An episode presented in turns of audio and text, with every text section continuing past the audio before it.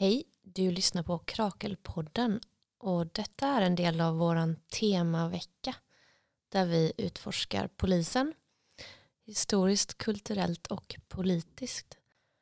Och du kan följa allt under det här tema polis på våran Instagram krakel.krakel. Nu börjar det.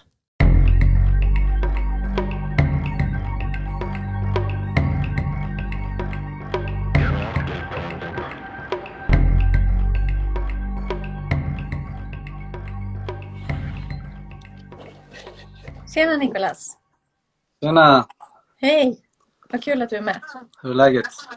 Ja, jättefint att vara med. Det är bra. Och jag glömde säga det, jag, jag har ju en del frågor till dig Nikolas, men om någon annan har någon fråga så får ni gärna skriva den så får vi se om ni också hinner med det. Eh, som sagt, du är verksamhetsansvarig på hela Malmö som har en stor mötesplats i området Nydala här i Malmö. Mm. Um, om vi bara börjar där. Uh, era, vad är liksom tankar om polisen i relation till det projektet ni har där? Vad, vad innebär polisens närvaro för ett område som Nydala?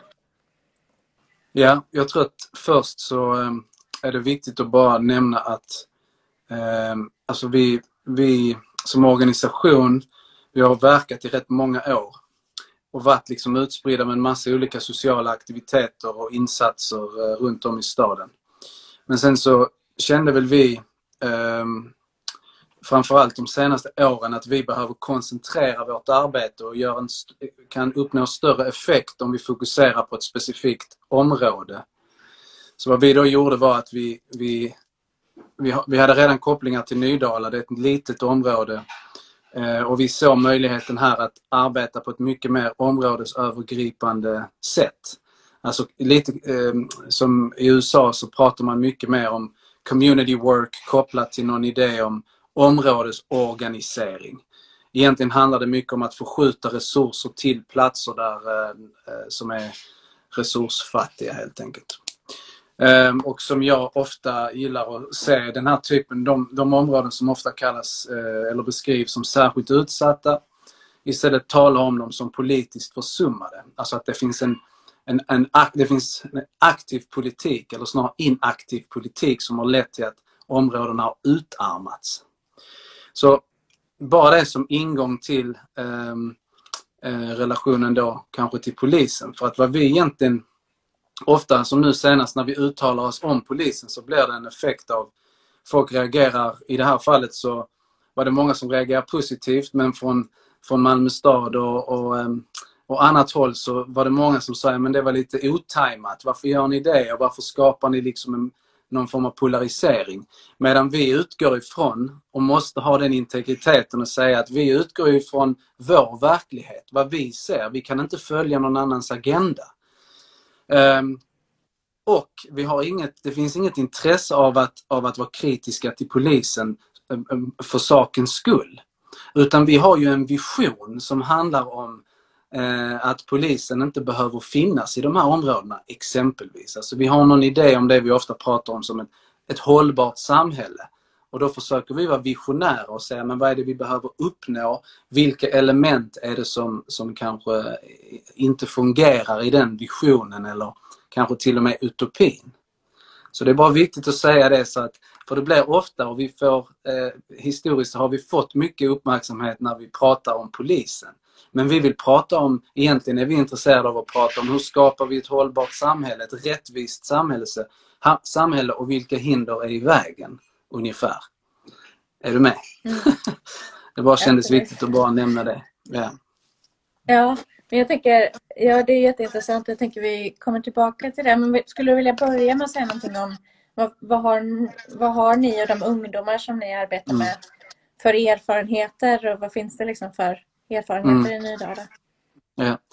Eh, generellt när vi pratar om de, den här typen av områden så är ju mångas erfarenheter just att det finns ett polisiärt tryck, en polisiär närvaro.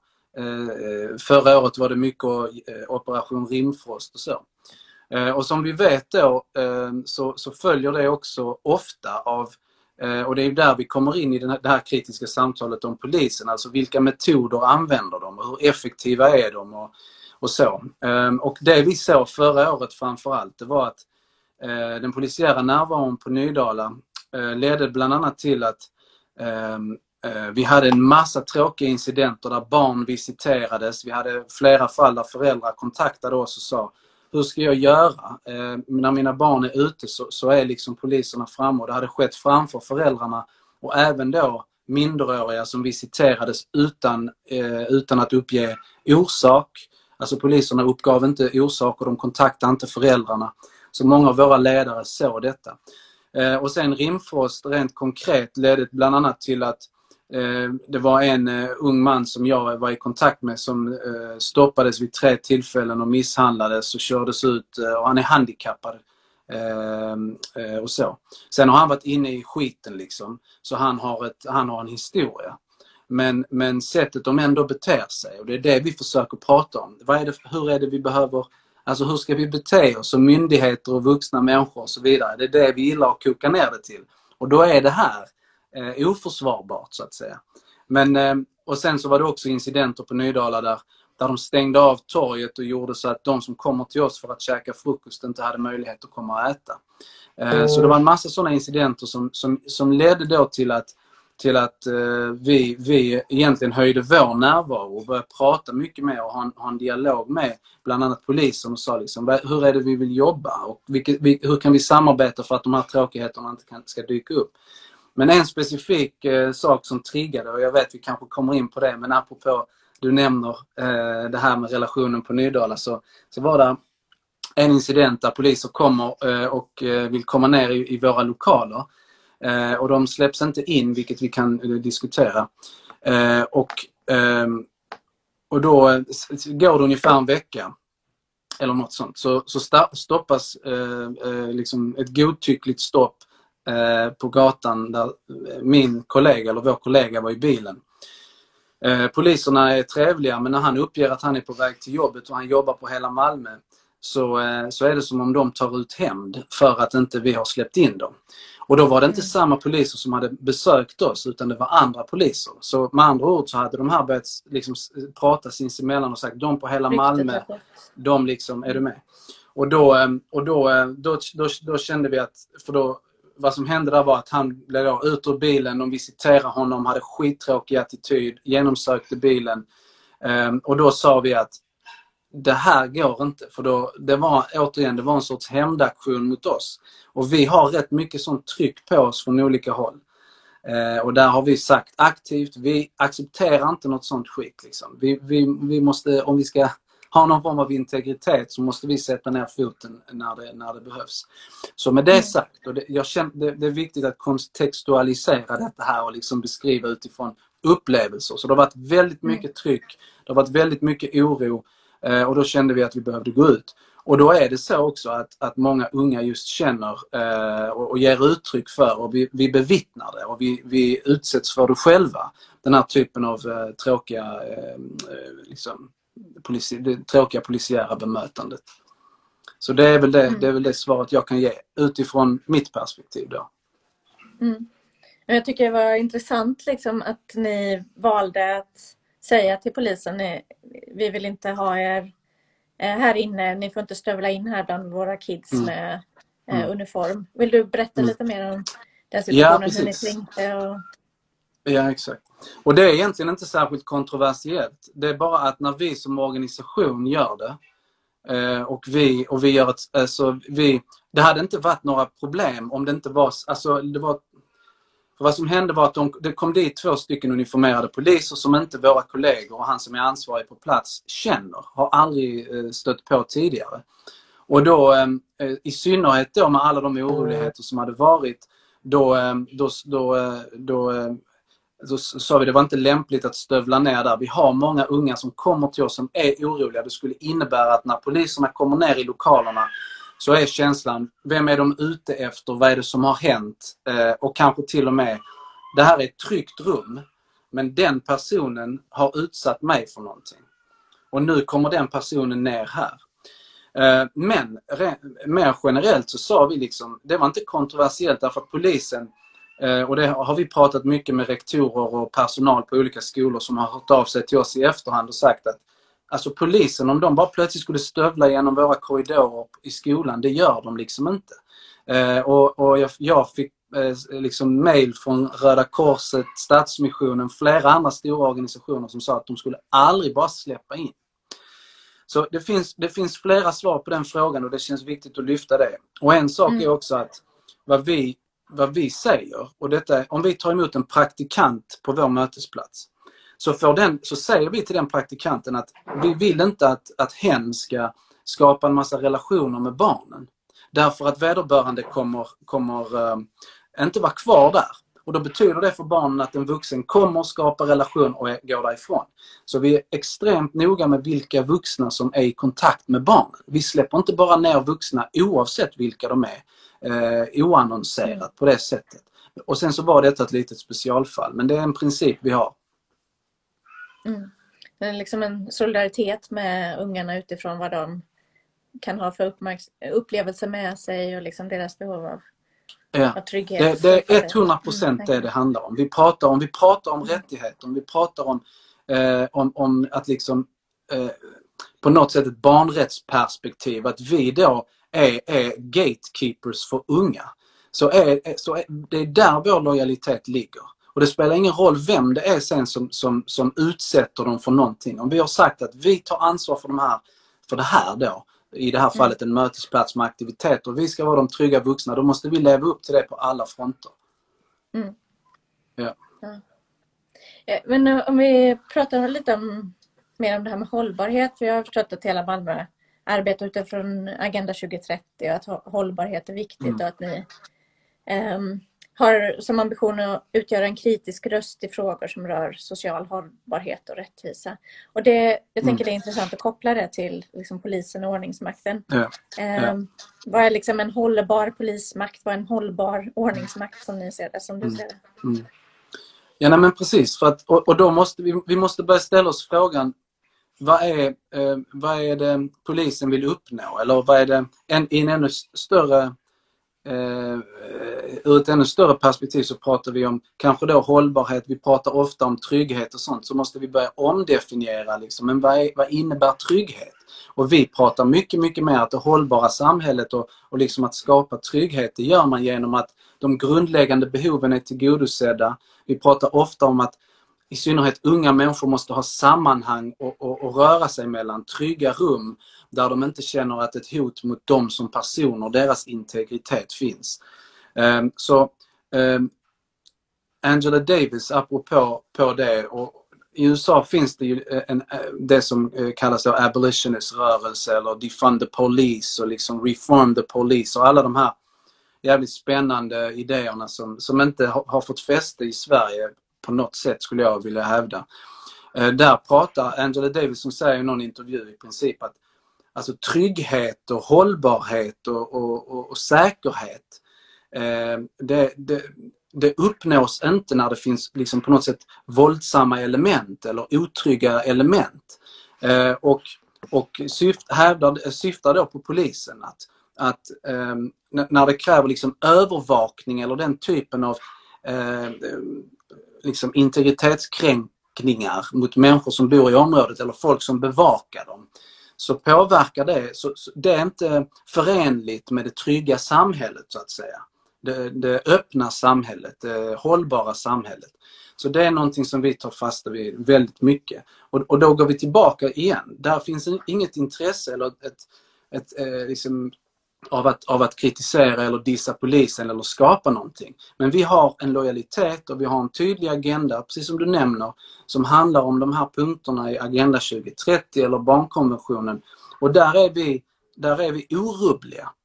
Och, och det, så måste vi förhålla oss. Och då vet vi att, och det är det som du nämnde, det här med att ha ett kritiskt perspektiv eller så, ett maktkritiskt perspektiv. Det handlar om integritet.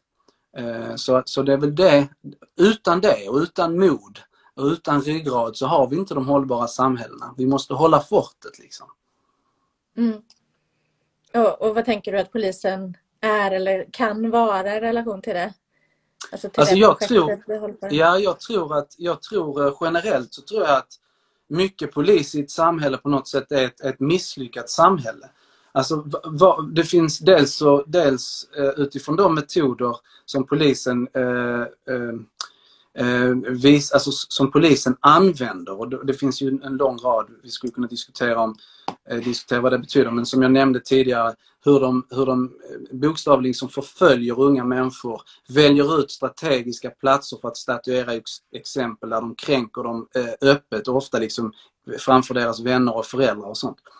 Ehm, jag, jag gillar eh, idén om att jobba mot någonting större. Alltså ha en vision och ha, någon, ha en idé. Vi brukar prata om maten före moralen. Vi kan inte komma in, som Sverige tenderar att göra i de här områdena, eh, och, och liksom moralisera och prata om ja, men man ska inte göra så och man ska inte göra så och, och hårdare tag. Men det är befängda samtal när vi vet att barnfattigdomen i de områden där vi är verksamma är på i vissa fall över 50 procent. Så vi, där är vi bara, vi, vi lyssnar inte på det längre. För att de som har en maktposition, alltså då snackar jag liksom om folkvalda politiker, eh, högt uppsatta tjänstepersoner i synnerhet, det vill säga de som, som liksom utgör eh, strukturen. Eh, där, där säger vi, de har visat sig oförmögna Eh, och ovilliga att, eh, eh, att, att på allvar adressera de problem som finns i områdena. Och då är vi inte heller intresserade av att prata om de här rätt ytliga sakerna. Så för att skapa det samhälle vi vill så ser jag mycket, mycket hellre, precis som de pratar om i USA, att satsa på annat. Alltså trygghet, det är mat i magen, det är jobb, det är tak över huvudet, det är meningsfull fritid, det är att jag kan gå över torget utan att bli, riskera att bli skjuten eller, eller liksom trakasserad. Och har vi inte det så är allt annat dödfött. Så vi måste börja någonstans. Mm. Eh, och det, där menar jag, då, då, är vi i ett samtal där, där polisen utgör eh, en relativt liten del men också en väldigt utifrån att polisen har våldsmonopol så måste det adresseras. Men vi, vi är mycket, mycket mer angelägna om att prata med regeringen eller prata strukturer på ett annat sätt än att hamna där nere. Enskilda poliser eller vad som händer där. Så. Mm. Mm. Tar ni mycket inspiration i liksom, ert projekt av den amerikanska rörelsen och eh, det som du nämnde innan med abolitionist och defender polis. Och, yeah. alltså, är det, är ja, det, det pågående samtal i hela Malmö? Ja, det skulle man kunna säga. Eh, men, men det är också ganska logiskt. Alltså för oss, vad vi har jobbat med under alla år. Eh, om, om jag, vi kan ju se hur det har varit nu på Nydala. Där, när, vi, när vi etablerade här då, vi kallar det Eh, en social infrastruktur i ett så kallat utsatt område. Så definierar vi vår, vårt arbete där vi alltså inte går in med enskilda insatser utan när vi skulle jobba så var det övergripande och då var det bygga nya bibliotek, eh, få in eh, ungdomsmottagningen, servera tre mål mat om dagen. Alltså återigen, the basics. Är, hur ser behoven ut? Vad är det som fattas? Och vad vi såg då Eh, ett år senare och det är också ganska symptomatiskt för hur för hur lite förtroende jag personligen har för de som sitter på den politiska makten. Vi kunde visa ett år efter att, att vi hade dratt igång den, det här, eh, den, här, eh, den här modellen, eller vad man ska säga.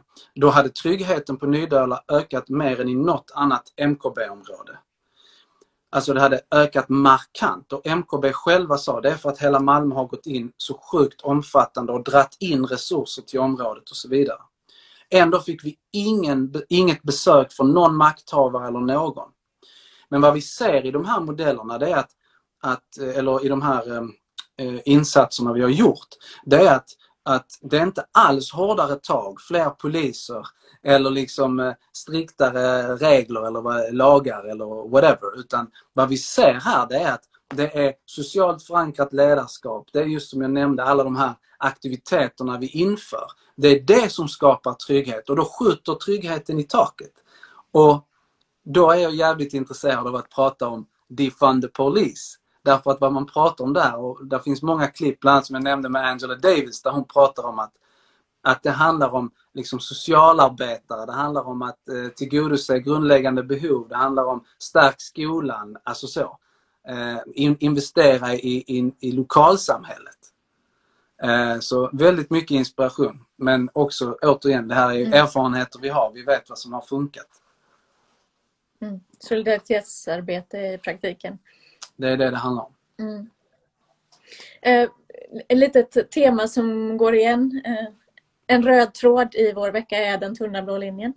Eh, och du har ju kritiserat i den här texten som vi pratade om innan eh, mm. serien och liksom vilka skildringar av polisen som finns och saknas i kulturen överhuvudtaget.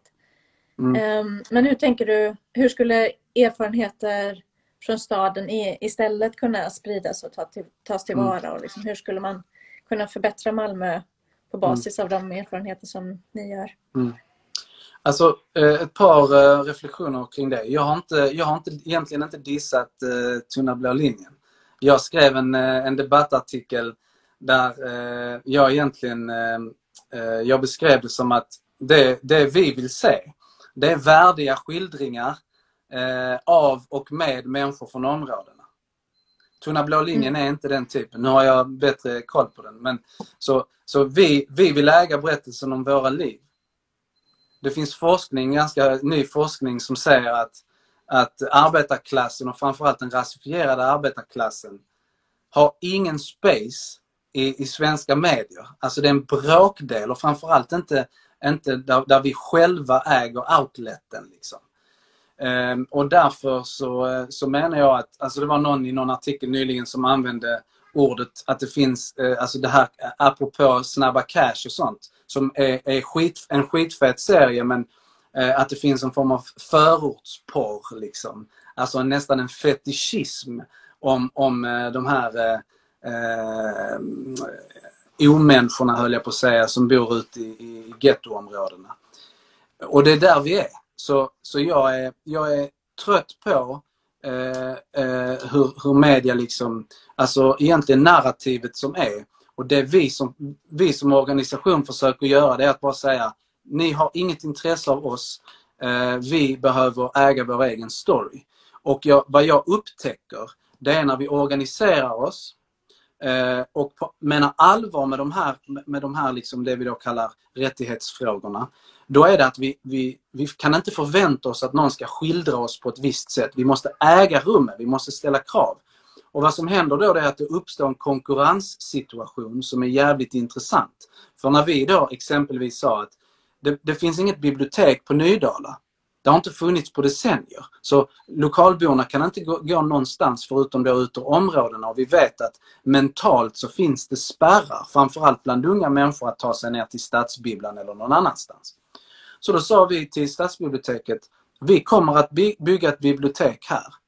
Och då sa de ju plötsligt, nej men vänta, vänta, vi gör det tillsammans. Och vi, vi sträckte ut handen. Och så det var inte som att det var någon konflikt utan snarare att de förstod att vi gör detta. Men ni har en skyldighet att göra det. Och, och det är så jag tror att vi måste jobba mycket mer. Eh, och, till, och det är kopplat till, till tunna eh, blå linjen. Vi måste äga berättelsen om våra liv. Vi måste kräva det och vi måste ta det. Ja. Okej. Okay, um, om, om man liksom tänker sig istället då att uh, en skildring av, uh, av polis och ordning men också av liksom, er berättelsen från Nydala och er verksamhet. Hur, hur skulle den kunna se ut istället? Alltså, jag vet inte. Jag är ingen eh, dramatiker. Jag vet inte hur man skulle kunna. Det, som, det vi ser det är att när vi, en sak vi aktivt gjorde, vilket eh, forskare från Malmö universitet bekräftar var en stor faktor, trodde de då till, eller inte bekräftar, men de trodde att det var en stor faktor till den ökade tryggheten. Det var att vi aktivt bearbetade medierna eh, att skildra Nydala på ett mer positivt och ett mer rättvist sätt. Eh, så då sa vi, ni vet att ni har skrivit 73 eh, eh, liksom artiklar om morden och allting. Men här finns ett klassperspektiv. Här finns en, en, en uppenbar rasism som drabbar människorna som bor här. Eh, samtidigt som det finns en massa progressiva saker som händer. Det finns en massa, en massa kraft. Eh, och där, eh, eh vad som hände där då eh, märkte vi att eh, framförallt unga människor, när vi hade stora tidningsartiklar där de kanske själva var med eller de såg sig själva i TV4 eller SVT. Även om det var allvarliga ämnen så kände jag och vi och många med oss att vi tog tillbaka den storyn. Eh, och utifrån så började folk prata och se vår verksamhet märkte vi också att det händer någonting på Nydala. Fan vad, eh, där finns en mötesplats, där finns ett café där de äldre hänger. Så det var, det var på båda hållen att vi upplevde det. Så det, det, det tror jag en mer, en mer rättvis och värdig skildring som kommer från de som bor där och verkar där själva. Är, är vad jag tror. Mm. Och det är inte bara på Nydala, det, det är överlag. Eh, mm. Måste det vara så. Mm. Um, ja, men, eh, tack så jättemycket till dig Niklas. Jag tycker det, liksom det leder oss verkligen eh, en bra bit på vägen till den här frågan. Okej, okay, men om vi ska dra ner på polis, vad är det, vi, vad är det som mm. behövs? Vad är det vi... Mm. Eh, vad, vad, är det alternativet helt enkelt? Mm. Ja, exakt. Um, det är ju den typen av verksamhet och den typen mm. av liksom, underifrån solidaritetsarbete mm. i praktiken som det. Ja men exakt och jag tror att vad vi, vad vi måste börja göra, jag vill bara som ett medskick att vi måste, mm. vi måste ha andra idéer om hur vi vill leva våra liv och hur ett samhälle kan se ut. Och när vi har då liksom visualiserat det, då vet vi också var vi ska börja. Vi har identifierat att de här sakerna fungerar inte. Det här fungerar, låt oss bygga på det. Eh, och och då, då hamnar man ofrånkomligen på, på, på liksom polisens närvaro, polisens metoder och förhållningssätt. Eh, och utifrån det också så, så märker vi vad som hände efter de här artiklarna och allting. Det var att jag fick eh, meddelanden från folk som utbildar polisen, professorer som, som forskar inom polisen och sa det är precis den här typen av saklig kritik vi måste lyfta. Som inte demoniserar polisen eller tvärtom men som är ändå konkret och, ärlig och, hård därför att den behöver vara det. Och det är då vi liksom börjar äga vårt eget. Ja. Jättetack till dig eh, och eh, vad kul att du var med. Och tack till alla er som har tittat och lyssnat. Um, tack så hemskt mycket. Lycka till nu med de andra lyssningarna eller sändningarna. Vi ses. Ha det så gott. Tack så mycket. Hej.